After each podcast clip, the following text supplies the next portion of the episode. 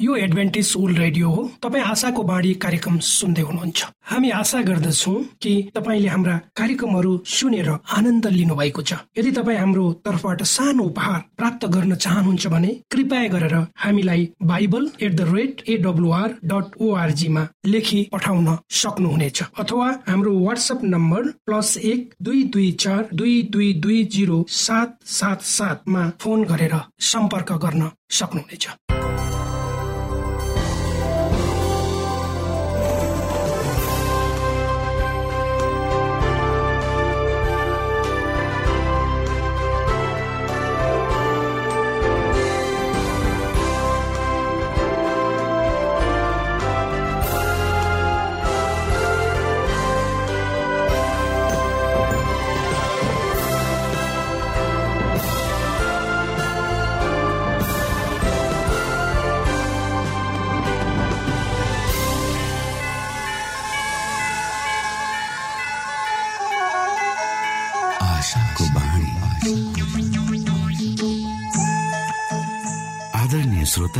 नमस्कार। यो समय तपाईँ एडभेन्टिस्ट ओल्ड रेडियोको प्रस्तुति भोइस अफ होप आशाको बाणी कार्यक्रम सुन्दै हुनुहुन्छ।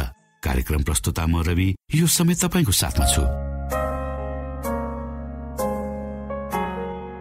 हामी यहाँलाई हाम्रो कार्यक्रममा सहभागी हुनका लागि अनुरोध गर्दछौ। हामी साँचो परमेश्वर तपाईँलाई माया गर्ने परमेश्वर तपाईँलाई उद्धार गर्न चाहने परमेश्वरका विषयमा जानकारीहरू प्रस्तुत गर्ने क्रममा छौ। सुरुमा सुनौ यो आत्मिक भजन।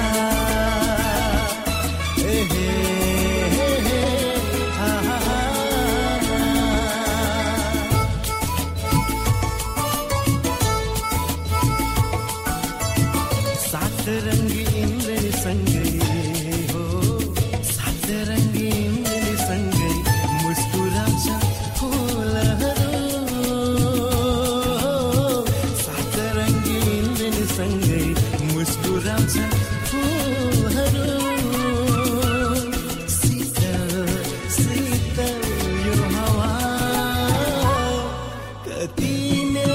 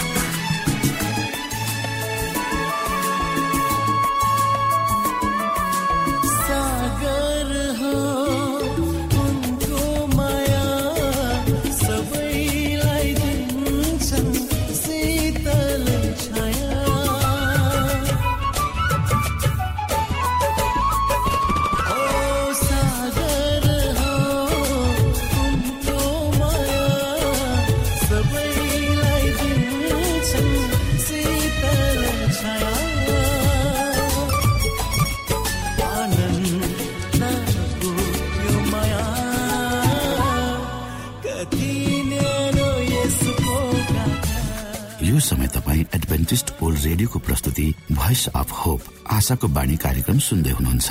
श्रोता मित्र यो समय हामी पास्टर उमेश पोखरेलबाट आजको बाइबल सन्देश सुन्नेछौ।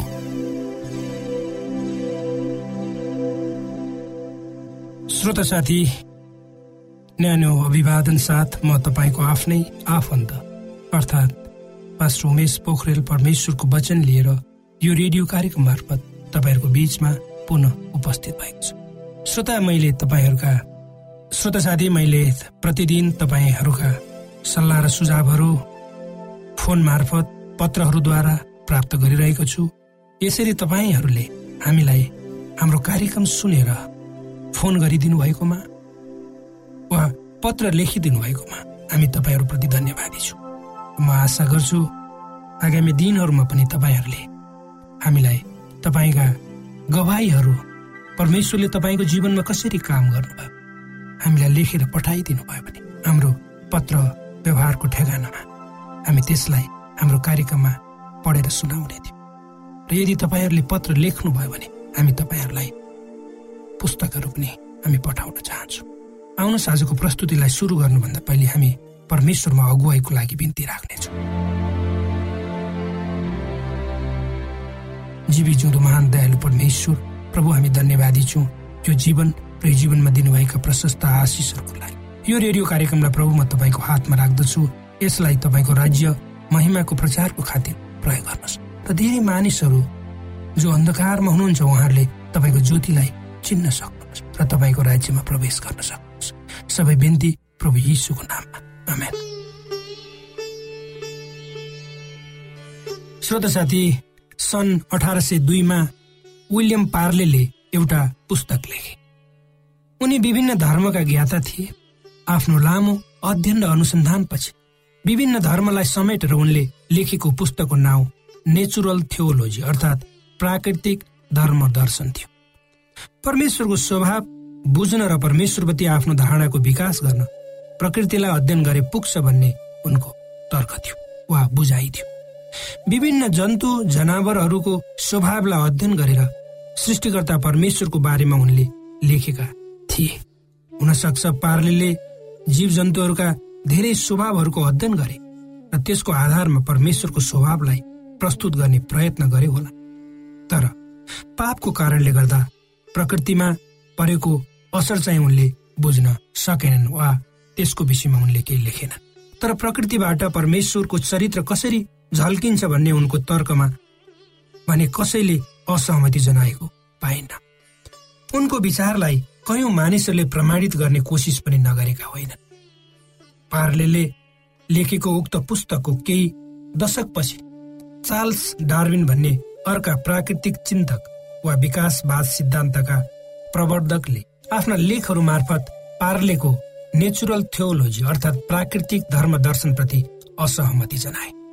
चार्ल्स डार्विनको अनुसार प्रकृतिमा भएका विभिन्न जीव जन्तुहरूको अध्ययन गर्दा त्यस्ता जीव जन्तुहरूलाई परमेश्वरले सृष्टि गर्नुभएको होइन भनेर आफ्नो तर्क प्रस्तुत गरे र परमेश्वरको अस्तित्वलाई नै उनले हाँक दिने कोसिस पनि गरे।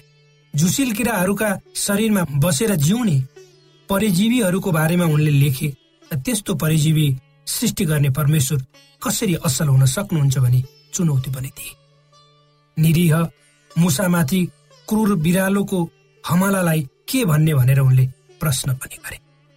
सृष्टिकर्ता प्रेमिलो हुनुहुन्छ भन्ने धारणा प्रकृतिमा भएका जीव जीवातहरूको क्रूर स्वभावले गलत देखाउँछ भन्ने चार्ल्स डार्विनको निष्कर्ष थियो। एउटा काल्पनिक कथा छ। परमेश्वरको आवश्यकताप्रति एकजना वैज्ञानिकले चुनौती दिए। परमेश्वरले जस्तै उनले पनि मानिसलाई सृष्टि गर्न सक्छु भनेर दावी गरे। अनि परमेश्वरले भन्नुभयो हुन्छ नि गर न। ल त मानिसलाई बनाऊ अनि त्यो वैज्ञानिकले मानिसको आकार बनाउन माटो जम्मा गर्न थाले। तर परमेश्वरले उनलाई भन्नुभयो एकछिन पर्ख त। माटो जम्मा गर्नुभन्दा पहिले आफ्नै माटो बनाऊ। अर्थात् मैले बनाएको माटोबाट तिमीले किन मानिस बनाउन खोज्दैछौ? परमेश्वरले उसलाई चुनौती दिनु। हो श्रोत मित्र यो एक काल्पनिक कथा हो। तर एउटा कुरो स्पष्ट छ। कुनै पनि नभएको वा अस्तित्वमा नरहेको कुराबाट कुनै चिज बनाउन हामी मानिस जातिहरू असक्षम सक्दैनौँ। अर्थात् हामी गर्न सक्दैनौँ। उक्त काम परमेश्वरले मात्र गर्न सक्नुहुन्छ। सारा जगत नक्षत्र आदि उहाँले नै सृष्टि गर्नु। हाम्रो पृथ्वी हाम्रो संरचनामा भएका यावत थोक र हाम्रै शरीर पनि परमेश्वरको महान सृष्टिको कार्यभित्र पर्दछ। विश्वका महान वैज्ञानिक आइज्याक न्युटनले एकपटक भनेका थिए जबसम्म कुनै पनि वैज्ञानिकले एउटा दुरुस्त घाँस उत्पादन गर्न सक्दैन तबसम्म यस धरतीले वैज्ञानिकको उपहास गरेको हुन्छ। पवित्र धर्मशास्त्र बाइबलको भजन सङ्ग्रह चौबिस अध्यायको एक र दुई पदहरूमा यसरी लेखिएको छ पृथ्वी र त्यसमा भएका सबै थोकहरू परमेश्वरका हुन्। अर्थात् यो संसार र यसका सबै मानिसहरू उहाँकै सम्पत्ति। परमप्रभुले पानीमाथि पृथ्वी बनाउनु भयो उहाँले त्यसलाई नदीहरूमा बसाउनु भयो त्यसै गरी पवित्र धर्मशास्त्र बाइबलको भजन सङ्ग्रह पचास अध्यायको एक पदमा यसरी लेखिएको यसरी परमेश्वरको विषयमा लेखिएको छ। सर्वशक्तिमान परमेश्वर परमप्रभु बोल्नुहुन्छ सूर्योदयदेखि सूर्यास्तसम्म पृथ्वीलाई बोलाउनुहुन्छ। त्यसै गरी अगाडि दस र एघार पदहरूमा परमेश्वर भन्नुहुन्छ किनकि जङ्गलहरूको हरेक वस्तु र हजारौं डाँडाहरूका गाई वस्तु मेरै हुन्। पर्वतहरूको प्रत्येक पंक्षीलाई म चिन्छु। र भूमिका सबै प्राणीहरू मेरै हुन्। पावल प्रेरितले कोरन्थीका विश्वासीलाई लेखेको आफ्नो पत्रमा उनी यसो भन्छन् तिमीहरूको शरीर पवित्र आत्माको मन्दिर हो। जुन पवित्र आत्मा तिमीहरूले परमेश्वरबाट पाएका छौ र उहाँ तिमीहरूभित्र बास गर्नुहुन्छ। भने के तिमीहरूलाई थाहा छैन? तिमीहरू स्वयं आफ्नै होइनौ। तिमीहरू मोल तिरेर किनिएका हौ। यसकारण तिमीहरूका शरीरमा परमेश्वरको महिमा गर। हाम्रो शरीर हाम्रो जीवन हाम्रो पृथ्वी वा संसार र परमेश्वरप्रति हाम्रो धारणा कस्तो हुनुपर्छ भनेर पवित्र धर्मशास्त्र बाइबलले तपाईँ हामीलाई स्पष्ट रूपमा बताएको छ। अङ्ग्रेजीमा एउटा प्रचलित इसाई भजन छ जसको शीर्षक छ this is my father's world अर्थात् यो मेरो पिताको संसार। हो श्रोत साथी यो संसार यथार्थमा हाम्रो परमेश्वरको हो किनभने यसलाई उहाँले नै सृष्टि गर्नुभयो। सारा संसारका दृश्य अदृश्य कुराहरू पनि उहाँकै हुन्। यो पृथ्वी उहाँको। यसमा भएका सबै कुराहरू चाहे जीवित वा निर्जीव उहाँकै हुन्। यस पृथ्वीमा यस्ता कुनै पनि मानिस जन्मिएको छैन जसले जीवन सृष्टि गर्न सक्छ। यस पृथ्वीमा यस्तो कुनै मानिस जन्मिएको छैन जसले जीवन सृष्टि गर्न सक्छ। केवल परमेश्वरले मात्रै जीवन सृष्टि गर्न सक्नुहुन्छ। हामी हाम्रो जीवनको प्रत्येक पल पलमा उहाँमा नै पार पर्दछौँ। हामी परमेश्वरलाई नै केवल हाम्रो मन र आत्मा दिन सक्छौँ। श्रोता साथी सृष्टिको कारणले मात्र होइन हामीलाई उहाँले उद्धार गर्नुभएको छ। पापबाट मानिसलाई गरिने परमेश्वरको उद्धारको योजना अचम्मको छ। आज पापले गर्दा मानव जीवन अत्यन्तै छत विछत भएको छ। मानव जीवनको अन्तिम चरण भनेकै मृत्यु हो। त्यसले गर्दा मानिसको जीवन दुःख र कष्टपूर्ण भएको छ। मानिसहरू हताश र निराश भएका छन्। विभिन्न रोगहरू समस्याहरू चिन्ता फिक्रीहरूले दिन प्रतिदिन मानव जातिलाई आफ्नो दुष्ट पन्जामा कस्दै गएको छ। अर्थात् मानिस जाति पापको दास भएर पापै पापबाट थिचिएर कहिले पनि नउठ्ने किसिमले दबिएको छ थिचिएको छ हेपिएको छ। लाग्दछ मानिस एउटा उद्देश्यहीन अन्धकारयुक्त बाटो भएर गुज्रदैछ। तर हामीलाई परमेश्वरले त्यसै नाश हुनको निम्ति छोड्नु भएन। तर हामीलाई उद्धार गर्ने योजना उहाँले बनाउनु भयो र उहाँको महान करुणा र प्रेम मानव जातिमा खनियो र उहाँले हामीलाई मुक्ति दिने प्रतिज्ञा गर्नुभयो। अहिले त्यही महान प्रतिज्ञाको किरणद्वारा हामी आफ्ना भाँचिएका हृदयलाई जोड्ने प्रयत्न गर्दैछौँ। हाम्रा निराशायुक्त दिनहरूमा तिनै परमेश्वरका प्रतिज्ञाहरूले हामीलाई आशाको किरण भएर सुन्दर भविष्यतिर डोहोऱ्याइरहेका छन्। त्यही परमेश्वरको मुक्तिको महान प्रतिज्ञा जसले तपाईँ र मलाई पापबाट उद्धार गर्नुहुन्छ। त्यही कारणले त त्यही कारणले त तपाईँलाई हामी अनुरोध गर्दछौँ। क्रिस्ट प्रभुमा मुक्ति छ। त्यसमा आउनुहोस् उहाँको सङ्गतिमा रहनुहोस्। उहाँसँग आफ्नो जीवनका पाइलाहरू क्रमशः अगाडि बढाउनुहोस्। उहाँको शान्ति आनन्द भरोसा र प्रेमलाई सिक्नुहोस् र तिनै गुणहरूलाई आफ्नो जीवनमा ग्रहण गरी आफ्नो जीवन यात्रालाई निरन्तर रूपमा अगाडि बढाउनुहोस्। यदि हाम्रो यदि हाम्रो आन्तरिक चाहना यही हाम्रो आन्तरिक चाहना तपाईँको निम्ति प्रिय श्रोता। श्रोत साथी तपाईँको जीवन तपाईँको जीवनका सम्पूर्ण पक्ष वा क्षेत्रमा परमेश्वरको अगुवाई तपाईँलाई होस्। हामी कमजोर छौँ शारीरिक रूपमा मानसिक रूपमा भावनात्मक रूपमा र आर्थिक रूपमा। त्यसैले त हामीलाई कसैको सहारा चाहिएको छ। यस्तो सहारा जसले तपाईँ र मलाई कुनै स्वार्थ बिना सहयोग गरोस्। हाम्रो सहारा बनोस्। त्यसको निम्ति परमेश्वर तयार हुनुहुन्छ। सधैँ तयार हुनुहुन्छ। उहाँ हाम्रो दुःख सुखमा सहभागी बन्न इच्छुक हुनुहुन्छ। उहाँ हाम्रो प्रेम हामीमाथि बाँड्न आतुर हुनुहुन्छ। कि यस्तो महान परमेश्वरको नजिक तपाईँ जान चाहनुहुन्न त? निश्चय नै चाहनुहुन्छ। उहाँको मिठो प्रेम शान्तिको अनुभव आफ्नो जीवनमा गर्न चाहनुहुन्छ। आउनुहोस् तपाईँलाई हामी महान परमेश्वरको बाटोमा डोहोऱ्याउन चाहन्छौ। परमेश्वर को हुनुहुन्छ भने तपाईँले आफ्नै जीवनमा अनुभव गर्न सक्नुहोस्। यही हाम्रो कामना तपाईँ श्रोताको लागि।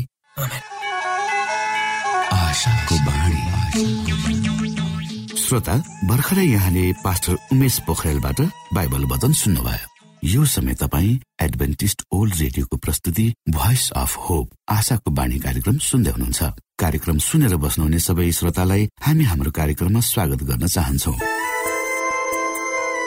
श्रोता मित्र यदि तपाईँ जीवनदेखि हरेस खानु भएको छ तपाईँका जीवनमा धेरै अनुत्तरित प्रश्नहरू छन् भने आउनुहोस् हामी तपाईँलाई परमेश्वरको ज्योतिमा डोहोऱ्याउन चाहन्छौ। तपाईँ आफ्नो जीवनका चिन्ता फिक्रीबाट निश्चिन्त हुनुहोस् र बाँच्नुको आनन्द परमेश्वरको सामिप्यमा कति मिठो हुन्छ त्यो चाख्नुहोस् भनी हामी चाहन्छौँ। श्रोता यदि तपाईँ आशाको बाणी कार्यक्रमलाई अनलाइन सुन्न चाहनुहुन्छ वा डाउनलोड गर्न चाहनुहुन्छ भने डट ओआरजीमा जानुहोस्। त्यहाँ तपाईँले प्रत्येक दिनको कार्यक्रम सुन्न र डाउनलोड गर्न सक्नुहुनेछ। हाम्रो वेब पेज यस प्रकार छ www.awr.org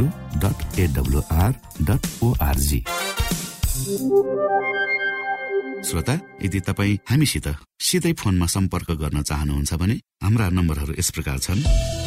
अन्ठानब्बे एकसाठी पचपन्न शून्य एक सय बिस अन्ठानब्बे एकसाठी पचपन्न शून्य एक सय बिस र अर्को अन्ठानब्बे अठार त्रिपन्न पन्चानब्बे पचपन्न. अन्ठानब्बे अठार त्रिपन्न पन्चानब्बे पचपन्न. यो आशाको बाणी रेडियो कार्यक्रम हो।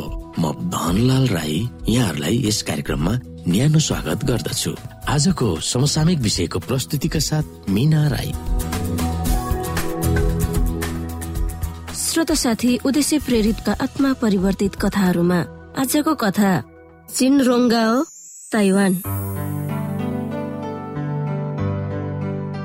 श्रोत साथी ताइवानको साइकल बनाउने कारखानामा साइकलको चक्का पेल्ने र टल्काउने कामले धेरै पैसा कमाउँदैन। तर एउटा मुख्य फाइदा त थियो साबतमा काम गर्नु परेको थिएन। धेरै वर्ष अघि ताइवानको सिङकाङ सहरमा जिन रोङ्गाओ र उनकी श्रीमती सरेका थिए तिनीहरू दुवैजनाले साइकल बनाउने सोह्र जनाको कारखानामा काम गरेका थिए। साबतमा काम गर्नु परेकोले तिनीहरूले पुरानो सहर छोड्नु परेको थियो। तिनीहरूको आय केवल पन्ध्र हजार ताइवानी डलर वा अमेरिकी पाँच सय डलर वा पचास हजार रुपियाँ मात्र थियो। महँगो ताइवानमा त्यति मात्र भए पनि चित्त बुझाउनु परेको थियो तर साबतमा काम गर्नु नपरेकोले हामी खुसी थियौँ। जिन रोङ्गाले भन्यो केही महिनापछि उनले आफ्ना भाइ चारजना बहिनीहरू र परिवारका अरू सदस्यहरूको बारेमा सोच्न थाल्यो। तिनीहरूले अझै पनि साबतमा काम गर्नु परेको थियो आफ्नो कारखानाको मालिकसँग तिनीहरूलाई पनि काम गर्न दिन उसले अनुरोध गर्यो। तर काम धेरै छैन भनेर उसले जवाफ दियो तर जिनले कर गर्दा बिस्तारै सातजना उसका आफन्तहरूले त्यहाँ काम पाए। जिन रोङ्गाको थोरै तलबले गर्दा उसको जीवन सङ्घर्षमय थियो र अर्को कामको खोजीमा लाग्ने विचार गर्यो। तर अन्त उसले साबतमा काम गर्नु पर्नेछ भनेर थाहा पाएर त्यही काम गरिरहने निर्णय गर्यो। धेरै तलब भन्दा म विश्वासमा बलियो भएर बस्ने मेरो चाहना थियो उसले भन्यो। परमेश्वरले जिन रोङ्गाको आवश्यकता थाहा पाएको हुनुपर्छ। साइकलको पाटपुर्जालाई मिलाएर साइकल बनाउने कारखानाबाट चक्का बनाउन जिन रोङ्गाओको कारखानामा धेरै अर्डर आउन थाल्यो। त्यसले गर्दा जिन रोङ्गाओ र उसको श्रीमतीको तलब पनि बढ्न थाल्यो। तिनीहरूले महिनाको सत्तरी हजार ताइवानी डलर वा अमेरिकी दुई हजार तिन सय डलर कमाउन थाले। जिन रोङ्गाओलाई कारखानाको नाइके बनाइयो त्यसले गर्दा उसलाई थप तलब त मिलेको थियो तर अर्डरलाई पुर्याउन शनिबार पनि काम गर्नुपर्ने हुनेछ भन्ने त्रास पनि उसमा उत्पन्न भयो। श्रोत साथी उसको डर वास्तविक भयो। जब उसको कारखानाको हाकिमले एक शुक्रबारको दिनमा शनिबार पनि सबै सोह्र जनाले काम गर्नु पर्नेछ भनेर घोषणा गर्यो। मैले साबतमा काम गर्न सक्दिन भनेर जिन रोङ्गाले जवाब दियो। तिमीले शनिबार काम गर्दैनौ भने तिम्रो जागिर खतम भयो भनेर सम्झिनु पर्छ मालिकले भन्यो। त्यो रात जिन रोङ्गा सुत्न सकेन। जिन रोङ्गाओ मात्र होइन उसकी श्रीमती र अर्का सातजना आफन्तहरूले पनि काम गर्न नपाउने भएका थिए। उसले परमेश्वरसँग प्रार्थना गर्यो सावत बिहान आफन्त सहित जिन रङ्गाओ चर्चमा गयो। हामीहरूको काम होइन विश्वास थामिराख्ने हामीले निर्णय गर्यौं भनेर जिन रङ्गाओले भन्यो हाकिम एकदम रिसायो उसका आधा कर्मचारीहरू काममा आउनुको सट्टामा चर्चमा जान लागेका थिए। फ्याक्ट्रीबाट सामानहरू तुरुन्तै पठाउनु परेको थियो। रिसले अरू सातजना कर्मचारीहरूलाई पनि शनिबार काममा नआउनु भन्यो। तर शनिबार घाम अस्ताएपछि र आइतबार पनि काम गर्न आदेश दिए। आइतबार बिदा थियो। त्यस हाकिमले कामको नयाँ तालिम अनुसार जिन रङ्गाओसँग मिलेर काम गर्न सबै कर्मचारीहरूलाई आदेश दियो। एडभेन्टिस कर्मचारीहरू शनिबार बेलुकी र आइतबार खुसी मानेर काम गर्न थालेका थिए। तिनीहरूको मालिक तीन दिनपछि काममा फक्यो। मंगलबारको दिन जिन रङ्गाओ कहाँ सिधै गएर सोध्यो के तिमीले धेरै पैसा कमाउन चाहन्छौ? छक्क परेको जिन रङ्गाओले जवाब दियो साबतमा मैले काम नगर्दा मेरो काम खतम हुन्छ भनेर तपाईँले भन्नुभएको होइन र? साइकलको फ्रेम बनाउने माग धेरै आएकोले उसले अर्को कारखाना खोल्न निर्णय गरेको थियो र त्यसको नाइके जिन रङ्गाओलाई बनाउने प्रस्ताव गर्यो। उसको पद पनि ठुलो हुने भयो जसले गर्दा उसको कामदारहरूलाई भर्ना पनि गर्न सक्थ्यो। नयाँ कर्मचारीहरूलाई उसले तालिम पनि दिन सक्थ्यो साथै उसले धेरै मोटो तलब पनि पाउँथ्यो। तर साबतमा पनि काम गर्नुपर्ने भएको थियो। त्यो काम सुनौलो अवसरको थियो तर जिन रोङ्गाओलाई भजन सङ्ग्रह सैतिसको पाँचको याद आयो। तिम्रो बाटोलाई परमेश्वरलाई सुम्प। उहाँमाथि भरोसा राख र उहाँले तिम्रो काम फत्ते पार्नुहुनेछ। आफ्नो बाटो परमेश्वरलाई दिन। जिन रङ्गाओ राजी भयो र मालिकको प्रस्ताव स्वीकार गर्यो। रिसाउनुको सट्टा उसको मालिकले सदाको निम्ति फ्याक्ट्रीको कार्यतालिका बदल्यो। जिन रङ्गाओ जस्तो असल र मेहनती कर्मचारीलाई उसले गुमाउन चाहेका थिएनन् त्यसकारण उसले कारखानामा सधैँको निम्ति साबतमा बन्द गरिनेछ तर शनिबार बेलुका र आइतबार चाहिँ काम सुचारू रूपमा चालिनेछ। अहिले कोही पनि साबतमा काम गर्दैनन्। मेरो हाकिमले पनि साबतमा काम गर्दैनन् जिन रोङ्गाले खुसी मानेर भन्यो परमेश्वर प्रति जिन रोङ्गाको प्रतिबद्धता देखेर चारजना सहकर्मीहरू प्रभावित भए। तिनीहरूमा चारजनाले बत्तीसमा लिए। श्रोत साथी शनिबार बेलुका र आइतबार दिनभरि काम गर्दा जिन रङ्गाओ कहिले काहीँ थाक्थ्यो तर उसले अर्को बाटो रोज्न चाहेको थिएन। हामीहरूको विश्वासलाई थामी राख्न परमेश्वरले सहयोग गर्नु भएकोले उहाँलाई धन्यवाद दिन चाहन्छौ। हामीलाई थकाइ त लाग्छ नै। त्यही पनि हामीहरूको विवेकलाई स्वच्छ राखेर शान्तिमय जीवन दिनु भएकोमा परमेश्वर प्रति हामी धेरै आभारी छौ। जिन रङ्गाले खुसी भएर भन्यो। आमेन।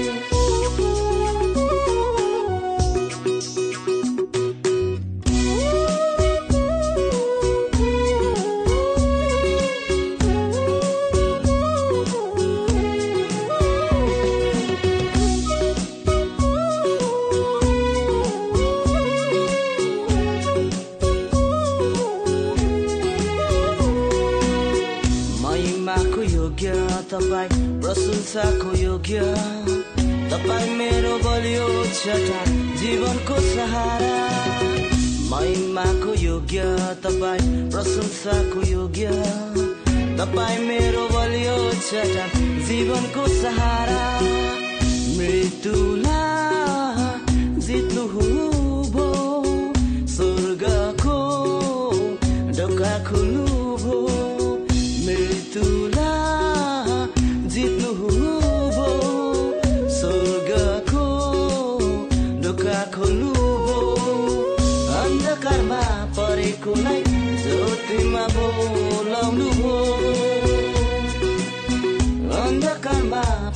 परेकोलाई ज्योतिमा बोलाउनु।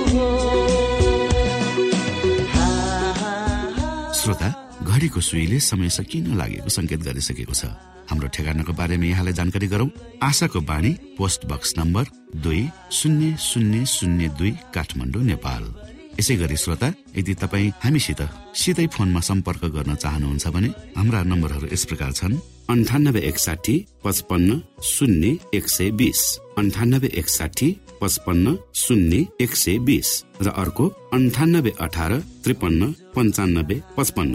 अन्ठानब्बे अठार त्रिपन्न पञ्चानब्बे पचपन्न। हवस् त श्रोता हाम्रो कार्यक्रम सुनिदिनु भएकोमा एकचोटि फेरि यहाँलाई धन्यवाद दिँदै भोलि फेरि यही स्टेशन र यही समयमा भेट्ने बाजा गर्दै प्राविधिक साथी राजेश पास्टर उमेश पोखरेल र कार्यक्रम प्रस्तुता म रवि यहाँसँग विदा माग्दछौ। परमेश्वरले तपाईँलाई धेरै धेरै आशिष दिनु भएको होस्। नमस्कार।